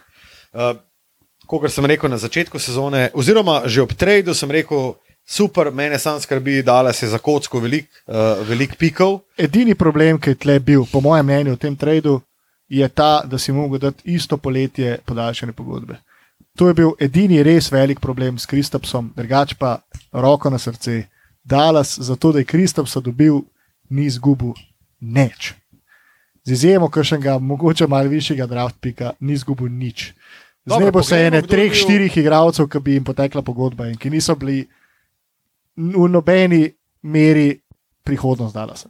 Okej. Jaz bi mogoče to sem dal v, v perspektivo, a kdorkoli od nas treh tega takrat ne bi naredil. Jaz ne bi, jaz sem takrat rekel, da ne bi naredil. Jaz bi, jaz bi. A res? Meni se je zdela to-. Za to ceno, ki so jo oni dali, sem rekel ne. Pa kakšna je ta cena? Oni so imeli, oni so imeli takrat. Pa kakšna je ta cena? Povej mi. Ne, oni so imeli takrat esete, da dejansko dobijo nekaj božga, kot je Kristap Sprzingis. Ampak oni so takrat mičken. Pa nam rekel na silo, se Kristap stari, pa meni bil on najljubši. Okay, ne, vse sem se imel- strinjam s tabo, vse se strinjam. Ampak oni so imeli takrat esete, pa iztekajoče pogodbe, s katerimi bi oni lahko dobili. V tem trenutku se nismo vedeli, kaj se lahko zgodi. Se Kristap je prišel po dolgotrajni pogodbi, pa smo mogoče mislili, da bo on isti kot v New Yorku, ki ga je Tom Thibodeau, ga je Ožel? ne, Tom Thibodeau. Uh, ne, ja, je bil Tom Thibodeau. Ne, ni bil Tom Ne, ni bil Tom nego Thibodeau. je bil nekdo drug. Thibodeau. Tam, tibi, tibi, Uh, nek drug, tibi, tibi, tibi, tibi. pač Kristap je bil top 3 po odigranih minutah v ligi, takrat so ga itak, pač njemu so kolena takrat ga. razgradili, so mu jih. Ja, Takrat, ja, ja. A, mogoče je bil. David Fisdale. No? ali pa nekaj. možno, možno. Um, jaz mislim sam, da bi že takrat lahko dobili nekaj več, kot so. No, dobili ampak za z izjemo kakšnega- pa so dobili. Pa, dobili. Z izjemo enega first rounderja, ki bi Okej. bil potencialno res dober. Realno niso izgubili več kaj dosti, so se pa zaklali z petletno pogodbo za Da, to gnarja. To je pa res. Ampak niso imeli druge opcije, to je bila njihova izbira, strinjam se, da bi lahko dobili boljš. Mislim. Če bi bil na trgu, vprašanje pa, če bi bil kdo drug na trgu. Okay. Naslednje vprašanje, izjemno zanimivo. Po čem si boste najbolj zapomnili? Sveže, pa naj si bodi kar večkrat upokojenega, lahko bi rekli znova upokojenega Joakima Noaja. Jaz si ga bom zapomnil po eni stvari. In sicer Joakim Noah, uh, ne samo, da je um, sin zelo znanega teniškega igralca, nekoga, ki je zmagal, ne na zadnje tudi na Roland Garros. Um, Meni se je Žovkim Noa najbolj vtisnil v spomin. On je pri Chicagu Derika Rosa neverjetno razbremenil, pa ne na igrišču. Ampak kar se tiče teh novinarskih konferenc, on ga je psihološko, je Derika Rosa toliko razbremenil, da bi jaz lahko rekel, da je Derik Rose toliko prosperiral pod Joe Kimom Noajem. Zato ker Joe Kim, takrat, ko so bili s Clevelandom v finalu vzhoda, on, stari Joe Kim Noa je takrat se trudil, da bi nekaj rekel, da bi bili vsi mediji na njemu, pa ne na Deriku Rosu. Pa se vsi zavedamo, kaj je takrat Derek Rose preživljal, pa uh, obtožbe v posilstvu in tako naprej. Joakim Noa je rekel, zakaj bi jaz šel v Cleveland, noben noče iti v Cleveland. Zakaj bi jaz šel sem na počitnice? On je žaluje ljudi, žaluje mesto, žaluje Lebrona, vse je žalil samo zato, da bi. Jaz mislim, da je bilo to zelo lepo premišljeno in da je bila to taka zadeva, ker je on tako lepo razbremenil svojega superstarja, da se je o Žokimu Noaju več govoril kot o Deriku Rosu. To se ne more v normalnem svetu nikoli zgoditi. In potem si bom jaz zapomnil uh, Noaja, sina zelo slavnega, uh, slavnega Janika. Uh, Noaja, ki je definitivno eden izmed najboljših teniških igralcev vseh časov. No, jaz sem ga pa zapomnil po, Odličen. Segway. potem, da je bil sam, sam potem, da je bil v določenem obdobju kandidat za MVP-ja lige. Kar Sam je pa potem. noro, stari. To je pa norišnica, Ja. ja. stari. Ampak In to je to. Jaz mislim, Nima da več kot to. jaz mislim, da takrat ne Takrat- moramo nikomor učitati, nobenim novinarjem, da on ni bil kandidat za MVP. On je bil najboljši obrambni igralec takrat. Pisa, da je on je bil blizu, e- mislim, ni bil blizu. No. Ampak Mislim, če je bil Joakim Noa, to je dan danes to zgleda nepredstavljivo, ampak v unih cajtih, jaz sem njega najbolj uh, zapomnil, v bistvu po- podobno, ne tukaj detaljno, ampak po vlogi, v, ki jo je imel v Chicagu. Ja. Ker takrat je bil res Lepilo, on, to je lepilo bila ekipe, njegova ja. dnevna soba in on je užival v tej vlogi, da je bil po eni strani dvorni norček, tudi zaradi tega, da je bilo več pozornosti na njemu, pa ne na nekomu drugemu. Ampak po drugi Ja, strani je bil res dober, dober igralec in koristen igralec. je bil. Lahko prišijemo, koliko je bil takrat Chicago hud. Stari. Seveda, Ko bi še- oni brez potrganih vezirov lahko šli daleč. a lahko še prišejtamo, koliko so šli vsi v kurat, z izjemo Derika Rosa, ki je bil v najslabšem izhodišču možno. Dobro, Ja. pa Jimmyja Butlera. Ne? Ampak Jimmy je bil že mal, se takrat se je njegova zgodba, v bistvu s poškodbo se je začela njegova zgodba. Jim je bil že v bistvu po tem obdobju. Ja, ja. Mislim, bil je. Ampak ne, takrat Luol- je Mi govorimo- že mi- sočasno je bil Luol noter. Deng. Ja, Luol Deng, Joakim Luol Noa, Deng. Ja. Kirk Heinrich, Kirk Heinrich, stari. Oni so bili pač. Ampak bil- velik. Klasičen tom. 2005, stari, vse, kar si fuknil s Kirkom Heinrichom, je šlo noter. O, To je klasičen Tom Tibodov, ki izvleče iz ene Ja, nadpovprečne ekipe, ne, če govorimo o tisti, tistem Chicagu, je zvlekel, ožev je res Maksimum. 100 no in ko smo Pa ravno. spet so bili štirje v top 15 po odigranih Ko minutah. smo glih pri tem, ne, uh, prej smo se pa pogovarjali o eh, trenerski revoluciji. Ne, je v bistvu Tom Tibodov, on še dan danes hoče igrati enako. Um, ampak z istim obremenjevanjem igralcev in tako dalje. Ne. neki dam Tomu Tibodoju. No? To, da je še dan danes, kljub temu, da se je toliko enih stvari. Čvorko, Kva? mu daš.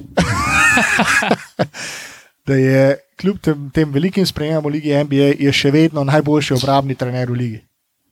Kar je po teh vseh teh letih, pa po vseh teh spodletelih poizkusih, meni. Ja, je, je, je.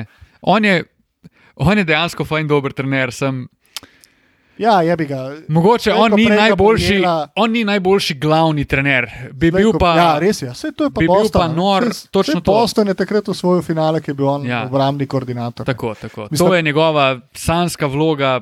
Ja. Okay, Kdo je najboljši trener v tem trenutku v Ligi NBA? Najboljši. Tam le pa tiha Maša. Um, ja, mislim, jaz lahko v vsakem trenutku rečem Greg Popovič. Ja, to je tak easy bet. Dobro, Okay. Njega moramo dati Ampak, iz ampak če enačb. pustimo Greg, Pustimo, ja. izločimo Grega Popoviča, bi rekel pa Nick Nurse. Okay. Zanimiva izbira. Jaz bi najbrž rekel Erik Spolstra. Ha, to pa niti ni. To pa ni zanimivo. To pa ni ne zanimivo, ne presenetljivo. Je pa, rekel. se pa ne morem nič uh, Ja. Obregniti. Na to, ja, na to izjavo. Luka, Luka bo pa najprej srkneš. nekaj zelenca, srkneš, povej. potem pa prijavil svoj izbor, tako lepo pa z duho se je prijel svojo desnico in bo navedel. Navel. Navedel. Vejo.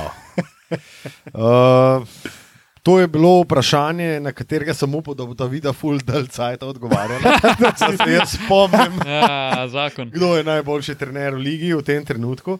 Jaz sem full fan Breda Stevensa sicer, ampak um, A bo, a bo Boston imel še ful dolgo potrpljenje z Bradom Stevensom? ja, to je Vprašanje, pa vprašanje. Tudi, uh, Brad Stevens je en tak zelo specifičen uh, trener, ki je prišel v ligo nekako tako, kot Billy Donovan. On Ja. ja. je prišel iz univerze. Ja, s tem, da Pa dosti še ful mlad, pa ne? manj ne, dokazan, valjda, itak. ampak zelo talentiran. Ne? Iz Mm. Butlerja. Pismo, da bi jaz zdaj v Miamiju. Um, ma ne, jaz ne morem reči, kdo je najboljši trener v ligi v tem trenutku. Ne morem ti sestaviti niti top 3. Pa te no, Super. Luka, stari. Ne, ne morem. kako, ne moreš, ne, kako, ne moreš, kako ne moreš sestaviti top 3 trenerjev? Pač, povej tri ljudi. Okay. Queen Snyder, Greg Queen Popovič, Snyder. Queen Snyder, Queen Snyder. Queen pa fucking, ne morem reči Doc Rivers, ker ga Zdaj ne morem. nočeš reči, naprimer, Erik Spolstra, ker sem jaz rekel, ali Ne, ne, dejansko ne, ti on Erik. Spolstra je meni dober trener, ampak več kot očitno ni trener, ki bi v tem trenutku lahko pripeljal ekipo do naslova prvako. Do naslova prvako. Vse pač jih je pripeljal v finale. Gledamo v tem Kako trenutku. slab argument, stari. Ma, dobro, ja. ne, se To je tako, da bi rekel, tako da bi rekel, Ne, ne, smo se strinjali. stari, da Ne, ne, se, ne, se ne. strinjam, ampak ne, jaz, Erika, mislim, Erik Spolstra je meni bil najhujši trener, takrat, ko je imel pač te tri debile, ki jih je dejansko znal zbombati skup in ki so osvojili dvakrat. Ja, ampak To je on- super. Ampak v tem trenutku bi pa rekel, da je ja, Queen Snyder boljši trener, Greg Popovič je vedno najboljši trener okay. v Ligi NBA. Greg Popovič ne- Pa rekel bi, v tem trenutku, kar dela Filadelfija, je super in recimo, da jim Doc Rivers sede in bi ga dal na tretje Če mesto. se ali pa obregnem drugo. uh, še malo preda Stevensa, njegov problem in s- s potrpljenjem za njega v Bostonu je ta, da ima nad sabo šefa, ki je verjetno bolj kriv kot on za trenutno situacijo, ampak ker je njegov šef, bo prej Brad Stevens na tnalu, preden on pride na tnalo. To je pa Danny Ainge. Ki je naredil ogromno dobrih stvari, pripeljal ogromno nekih pikov, pripeljal s tem tudi dva nerealno dobra, dobra igralca, ampak rezultatov ni takšnih, kot bi si jih želeli. Oni so bili najboljši takrat, ko smo jih vsi odpisali. Stari. Oni so bili najboljši za Izajo Tomasom, pa z Tatumom kot Rukijem. Pa Ja. Za njihova Smartom. najboljša sezona, ki je bil Kyrie Irving poškodovan. Takrat so oni Cleveland jemali v sedmo tekmo. Ja? Da. Da. Boston je bil v zadnjih štirih letih trikrat v finalu vzhoda. Koliko te prišel v finale, mi povej? Nobenkrat. Ja, no, vse, pušiona. Mislim, ok, v redu, ampak ti si v zadnjih štirih letih imel, se pravi, to so prve štiri sezone z Jasonom Tatumom. No, super, sam pol bi lahko rekel, da je tudi, mislim, Boston v tem trenutku je na nivoju Indiane, na, s Polom Georgeom, Grangerjem, Hibertom in tako naprej. pustimo ta no, trenutek. Ti sam poslušaj, Ne, prosim te ma, poslušaj. Me. že celo epizodo, pa mi ne pustiš do besede. Ja, Mi se klele po vej formatu, ki ga gledamo, sam ti govoriš, tilc. Ne, se se hecam. Ampak uh, Oh, je. Boston, v tem trenutku mi je Atlanta, Boston mi je Indiana, te, ki nikoli niso mogli iti over the hump, kot bi rekli uh, američani, torej preko grbe. Ja. S tem, da je imel poleg dveh zelo prijaznih ruki pogodb na svojem rosterju, vem, koliko in 30 milijoni, pa Gordona Haywarda, ki je tudi podpisal Max pogodbo. Tako težko, brez Stevensa, težko kaj učitaš. Težko, jaz njemu zelo, do, Daniel do letošnje pač sezone, ne. do letošnje Vse sezone, do zdaj tudi Daniel Angel nismo mogli, koliko je on teh draft pikov Ja. pripeljal. Pa v pravem trenutku, hud, strejdu, hud je. Meni je on en ljubših GM-ov. do letošnje pet sezone jaz ampak- Bredu Stevensu, po mojem, ne morem učitati rezultata. Ker se mi zdijo to zelo solidni rezultati. Oziroma, dobri rezultati. Ok, nisi prišel v finale, je res, to te še čaka in nujno moraš priti. To te To je še dejstvo. čaka. Ja, upam, da ga ne. Ampak o tem bi mogoče Ma, bi. ocenjeval od, od letos naprej. Ajde. Ok, dajmo zaključiti ta podcast z enim vprašanjem in sicer, koga bi vidva rada videla, rada videla, ne kdo si zasluži. koga bi vidva rada videla v finalu vzhoda pa zahoda v tej sezoni. Hmm. Zdaj smo že To je zelo zanimivo. Počasi se, sezone smo. Tako, na polovici sezone. Dajmo se pogovarjati o tem, koga bi videla še žona Na polovici še žone. in tam si dan. uh, big up za Janeza Zupanca. ja, res. Big up. Ja, Koga bi videla, radla, eh, radla videla? Ama, koga bi rađla videla? um, zelo, zelo dobro vprašanje. Na Lahko katerega jaz imam odgovorim. zelo, zelo lahek odgovor, ampak bi si ga želel. Bom dal dva. Moj okay. odgovor, from the top of my head, ki sem ga že enkrat ponudil, je Brooklyn, LA. Zaradi vseh Ne, ne, storij. finale konference. Ja, pardon.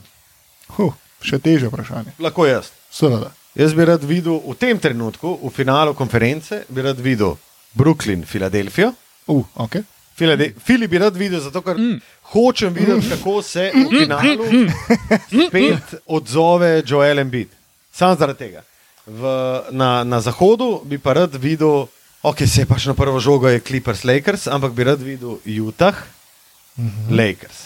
Ampak Utah v, tej, v, tej, v tem fazonu, v katerem so bili v zadnjih dveh mesecih, ki so fucking igrali Popovičevsko. Um, In so bili res hudi. To se pravi, Utah, Lakers, pa Brooklyn, Filadelfija. To bi jaz v tem trenutku rad videl v finalu. Če govorimo, kaj bi rad videl, ne kaj je najbolj optimalno. Rad, ne optimalno. Kar je- Jaz bi rad videl rad. Rad, rad. Tak, kaj dons. Rad kamenjak, stari. A, Mislim, da imamo naslov. Jaz bi rad videl, da New York v prvi rundi pokne Filadelfijo, stari z 8 na prvo mesto, pa pride v finale z Brooklynom, stari. To bi bilo, Pa da imaš ja, najboljši ja. napad, Ja, pa eno ja, najboljših obramb, pa sam, sam, sam pem. če se pogovarjamo o zgodbah, pa kar bi res bilo noro, je to match made in heaven, Nixi proti Necom, to bi bilo oh, noro. to bi bilo zelo dobro. Sam to bo zaho- najbrž uh, obračun druge, uh, prvega kroga in Niksi bojo. Če bo- če bojo imeli neslavno Nixi srečo. Če bo- imel Ja. srečo, da bojo prišli v prvi krog. Na koncu bo pa ne vem, itak Brooklyn Hornets. Um, Tilen. Brooklyn Hornets bo finale. Ne, ne, ne, Brooklyn Hornets v prvem krogu vzhodne konference. Ne, sršeni iz Brooklyna. Ja, meni je zdaj uh, Matko dal v glavo ta, to finale. Uh, A si povedal zahod? Ne, kar povej. Nik, si jaz nik Zahod snec in se zelo težko znebim tega občutka. Um, mogoče Boston, pa, pa Brooklyn. Boston, ali kva? Brooklyn. Ja. Ja, Brooklyn, valjda si ga želim videti, ker je to Čeprav- najbolj je čeprav- ekip. stari, Ja, čeprav moja, moja največja želja, seveda, je, da, da se zgodi točno to, da se naprimer Niksi pa Neci dobijo v prvi rundi in Niksi napredujejo. Meni bi to live pomenilo. Jaz Za- bil srečen človek. Niksi so ekipa, za katero vsi po teh navijamo. Zato, ker Ja. ja. je sam pač, ko ti ne moreš več gledati, kako so oni del movementa, mi tu že fucking 20 let stari. Pa dobro, itak bi rad videl Miami, ampak malo Ja, ja, ja. mlač nisem zdaj hotel omenjati, pa mešaš trin. Kaj pa zahodna konferenca? uh, Tina? začel navijati. Zahodna, jaz sem zdaj malo razmislil. By the way, Niksi so četrti stari. Ja. Hej. Bravo, Um, na zahodu Ja, zelo se strinjam z, Utah, z Utahom, zelo bi si ga želel, ker lepo igrajo. Um, povej, Tilen. Ne, ker ti povej, ker si začel. Že, že, že, že, že, že. Pred sezono sem napovedal, da bodo košarkari Portlanda v finalu konference in si jih tam močno želim. Tako, rad bi videl, da, rukne, da izpadejo ekipi iz LA, da izpadeta v polfinalu konference. Recimo. Tako da rad bi zelo rad bi videl Portland, pa Utah, pa Phoenix. To so tri ekipe, ki si jih jaz želim No, v Phoenix. finalu konference. katera koli kombinacija izmed teh treh bi bila meni To. vrh. Oziroma, jaz se moram popraviti. Ti bi rad Utah, videl Denver. Phoenix. A. Utah, Phoenix. Ja. v finalu z- zahoda, to bi bila pa. A to ti bi si rekel LA prej? To bi bil šah. Ne? A Lakers. To bi bil 4D šah, če bi igrali Utah, pa, pa Da. Phoenix. Na eni strani bi imel Krisa Pola, ki bi se ciril nasprotnikov Pa obrambo. najpočasnejši, najpočas, ej, ne, ne. najpočasnejši napad v ligi. Žačeče. Ja, zdaj je čez uh, približno 20 minut, pa drage dame, spoštovani gospodje, dobrodošli v Fibino Ligo Prvako, Zaragoza, Dinamo, Saca. Žačeče. Pa na drugi strani Utah, ki je najbližji Mm. približek letu 2014 in San Antonijo s prsem. Tako, Zelo zanimivi izbori. ja, Da. Jaz upam, da bo ena taka, eno tako veliko presenečenje letos. res tudi. Mogoče to malo rabimo. Ja. Kake, okay, še eno vprašanje na hitro. Kakšne šanse imajo pa klipersi? Oziroma, Boljše, zakaj noben, zakaj, no, zakaj noben od nas ni dal zdaj klipersov? A So, ker so so antipatični, pa dolgočasni. Dolgočasni Ja, so, dolgočasni pa mislim, da je enostavno njihova kemija v ekipi nepopravljiva. Kar bo slej, ko prej prišlo do izraza. no. Verjetno v playoffu bolj kot ta trenutek. Najverjetneje res. In najverjetneje smo Brž. tudi priveslali do konca. Ja, Luka je za eno nogo že v svoji kiji prosit, Ja. Jaz sem še eno vabilo v bistvu. on ima pa kar še eno. Jaz smo pa čez pol ure tekmo. Pa se ti, pa se, se Luka, ti lahko greš. Ja, okay, okay. Res la grem. ja. No, zdaj pa razočaran, ja, ok. okay. Vabilo. Um, vabilo, vabljeni, da se nam pridružite v naši igri na Ja. Instagramu, kjer bomo izbirali, zdaj je to že jasno, uh, naj najavo po 55 epizodah našega podcasta. Najava je v smislu izjava, Tako, v tako, smislu tako. nekega lapsusa, v smislu neke, neke, neke zadeve, ob kateri ste se vi zabavali med poslušanjem naših podkastov.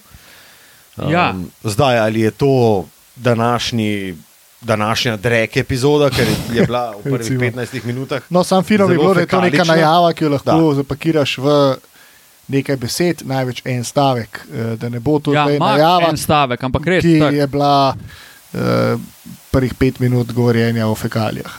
recimo. Recimo. recimo. Tako da uh, bomo, bracket, bo, ne? bomo nekako, ja, breket bomo objavili, Tilen je zadevo zelo bre. pripravil. Bre, bre. In Imel sem ga že na, na koncu jezika, sem imel bra, bra. Tega pa že dolgo ne. In mi bomo nekako tako v slogu All-Star glasovanja, bomo mi prispevali na polovico teh zadev, eh, polovico bi pa vas prosil in to boste počeli na naših Ja, v bistvu ste to že naredili, ne? zdaj ko je ta. Ja, je zunaj, se to že dogaja. Ko je ta odvija. podcast zunaj, ste brščas že podali svoja mnenja in uh, Tisti, ki pa niste, pa brž, brž na naš Instagram. Ja, ste pa zamudili priložnost. Brž, ta brž. korak. Eh, Pa tudi na naš YouTube kanal Dvokorak Slovenija, kot rečeno, prehaja na statistična epizodica z eh, novim članom za video del naših eh, vsebin. To je pa to, a ne? Ja, ja. To je to, kar je napisala. Pa pa nehimo, kaj. Dobro.